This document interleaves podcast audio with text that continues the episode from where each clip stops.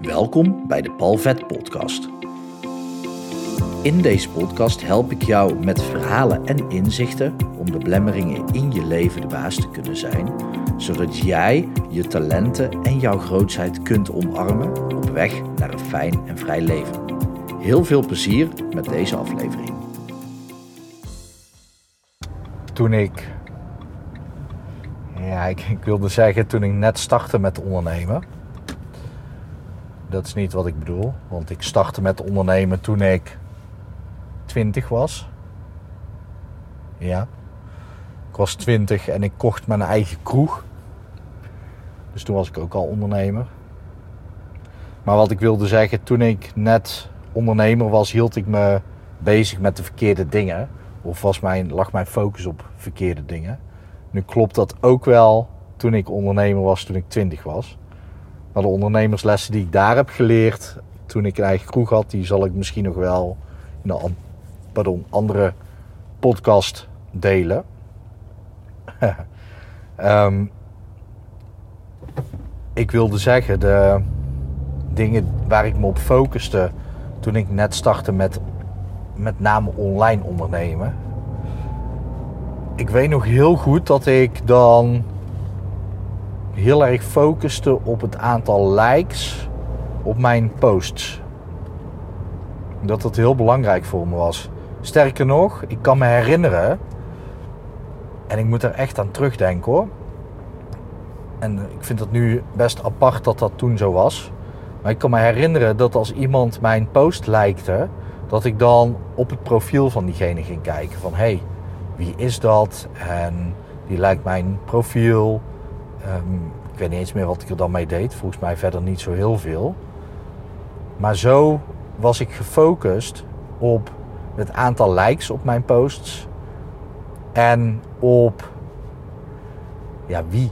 Wie lijkt mijn posts? Ook bij volgers. Als iemand mij ging volgen, ging ik ook op het profiel kijken. En waarom ik dat vertel, is omdat ik weet dat er ook ondernemers zijn en sowieso ook ondernemers, heel veel ondernemers die mijn podcast luisteren. En die daar misschien ook nog wel mee bezig zijn. En ik moest er uh, vooral aan denken, omdat ik, ik ben TikTok een beetje aan het onderzoeken van hoe werkt dat. En ik doe er echt nog heel weinig mee. Ik heb het gewoon voor de fun erbij om te kijken van oké, wat ga ik daar doen en welke kant ga ik daarop. Nou, antwoorden vind je pas in beweging. Dus ik dacht, nou, ik kom gewoon in beweging en dan ga ik het vanzelf wel merken. En op TikTok heb ik dus filmpjes opgenomen dat ik aan het zingen ben. filmpjes opgenomen in het Nederlands. Mijn podcast gedeeld, quotes gedeeld. Uh, stukjes video opgenomen zoals stories op Instagram. En je hebt op TikTok een paar van die challenges waar je aan mee kan doen. Tenminste, er zijn heel veel challenges. Maar een van die challenges was zo snel mogelijk nadat een groen vakje van oranje-roodachtig naar groen schiet, met je ogen knipperen. En dat vond ik wel tof. Ik ben vroeger keeper geweest. Dus ik vind van mezelf dat ik een snel reactievermogen heb. Dus ik denk, nou, ik doe dat.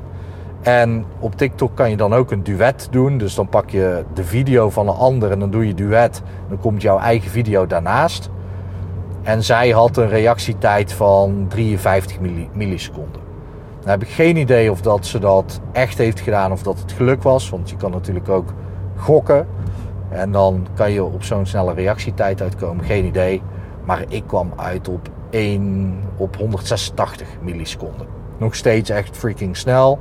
Want een Formule 1 coureur die reageert over het algemeen zo rond de 2 tiende. Dus daar zit ik dan net onder zelfs. En ik moet eerlijk zeggen dat dat ook niet in één keer gebeurde. Ik had wel een paar pogingen nodig. Maar goed, ik heb die video online gedeeld. En ik merkte dat hij het al best wel oké deed. Vooral ten opzichte van mijn andere video's.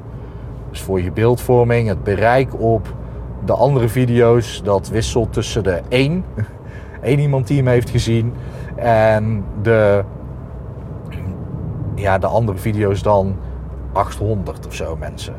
Deze video zat, toen ik er straks keek, want ik ben al even van huis. Toen ik er straks keek, richting de 57.000 mensen die die video hebben bekeken. En het ging al richting de 1000 likes van de video. Dus dan zou je denken, nou, dat is best goed voor een video. En ja, dat klopt. Voor de video is dat goed. En heeft het iets te maken met mijn business? Heeft het me volgers opgeleverd? Op misschien Instagram heeft het mij winst opgeleverd? Helemaal niets. Want het is een challenge die niks te maken heeft met wie ik ben en wat ik doe. Beetje met wie ik ben misschien, maar niet met wat ik doe. Het zegt helemaal niks. Het is gewoon voor de fun. Dus daar heb ik, in ieder geval mijn business, heeft daar geen zak aan. En als je daar dan over nadenkt, hoe vaak plaats ik dan, laat ik dan gewoon over mezelf spreken. Je kan voor jezelf bepalen of dat, dat geldt voor jou.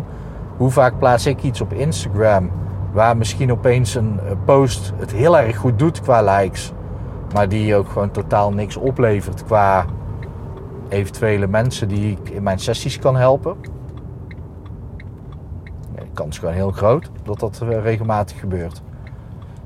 En ik zie het ook wel eens dat een post voor mij, als die wat harder binnenkomt bij mensen, wanneer het meer een waarheid triggert die ze liever niet willen horen, dan wordt die post veel minder gelijk, maar veel vaker opgeslagen. Dat is ook interessant, hè? Wat logisch is overigens. Maar dan willen mensen niet lijken of ze vinden het stom, maar denken ze, oeh, ja, daar moet ik misschien dan iets mee. Of ze willen niet dat hun naam eronder hangt, dat ze het hebben geliked. Kan allemaal. Ik heb geen idee wat dan de reden is. Maar dit bewijst wel dat zo'n video op TikTok die een bereik haalt van video's die sommige top-influencers die echt honderdduizenden mensen volgers hebben op TikTok niet zomaar halen. En ik met mijn 71 volgers op TikTok haal dat voor die ene video dan wel. Maar dat, dat zegt totaal niks. En dat is dus ook met je Instagram posts. Of Facebook of LinkedIn posts. Het gaat niet om de likes. Het gaat erom dat jij consistent waarde deelt. En dat mensen zien dat jij er bent. Dus dat je on top of mind blijft. Dat is het allerbelangrijkste. Want reken maar van yes, dat als jij waarde hebt gedeeld in je posts, dat er mensen zijn geweest die denken: hé, hey, dat is interessant. Misschien moet ik nog eens later toch terugkomen naar diegene om met mijn ding aan de slag te gaan. Wat je dan ook uh, aanbiedt. Hè? Als je een product aanbiedt, dan kan het dus zijn dat iemand het uh, denkt: oh ja, dat moet ik toch echt eens kopen. Maar op het moment dat jij dan van de radar verdwijnt, en jij deelt niks meer of niet zo consistent, dan, ja, dan vergeten ze je. Dan denken ze niet meer aan datgene wat jij te bieden hebt. Dan verdwijnt dat gewoon. Tenminste, dan verdwijn jij gewoon. Dat is interessant. En um, dat, dat is iets waar je rekening mee moet houden. Dus op het moment dat jij dagelijks post, of vijf keer in de week. Het is maar net wat jij zelf wil en, en vol kan houden en doet. Ik zou zeggen, doe het elke dag, want why not? Maar dan, dan blijf jij on top of mind. Dan, dan ben jij gewoon continu in hun aandachtsveld. En dat werkt. Daarnaast, op het moment dat je elke dag iets plaatst, moet je zelf ook groeien in wat je plaatst. Je kan niet elke dag hetzelfde plaatsen. Ja, kan wel, maar dat levert niks op. Dus jij gaat ook groeien in jouw vakgebied daarin. En je deelt waarde. Dus je bent van toegevoegde waarde in het leven van mensen. En als jij iets toevoegt aan het leven van mensen, dan zullen zij je dankbaar zijn, maar je zeker te weten onthouden. En dat is waar het veel meer om gaat. Dat jij gewoon input levert, dagelijkse input, dat zorgt ervoor dat je uiteindelijk er ook iets uit gaat halen. En dan is het helemaal niet belangrijk of dat je 10 likes op je post krijgt, of 20 of 100. Of dat je video ergens duizend keer is gezien. Het is veel belangrijker dat, dat je kan er veel meer aan hebben dat 10 mensen die binnen jouw doelgroep vallen jouw post liken, dan wanneer er duizend mensen zijn die niet binnen je doelgroep vallen. Dus het zegt helemaal niets of dat iemand 10 likes of 1000 likes heeft. Maakt geen zak uit. Als je daar gewoon rekening mee houdt, dan zal er een last van je schouders vallen. Op het moment dat jij gewoon weer content deelt en er komen niet superveel reacties op. Dan, als het goed is, ben je er niet meer mee bezig. En als je er wel naar kijkt, dan kan je zeggen: Oh, de juiste mensen hebben een post gelezen. En dat is veel meer van toegevoegde waarde. Succes ermee. Ik hoop dat het goed met je gaat. Ik hoop dat het goed gaat met dierbaren van je. En ik wens je nog een hele mooie dag toe.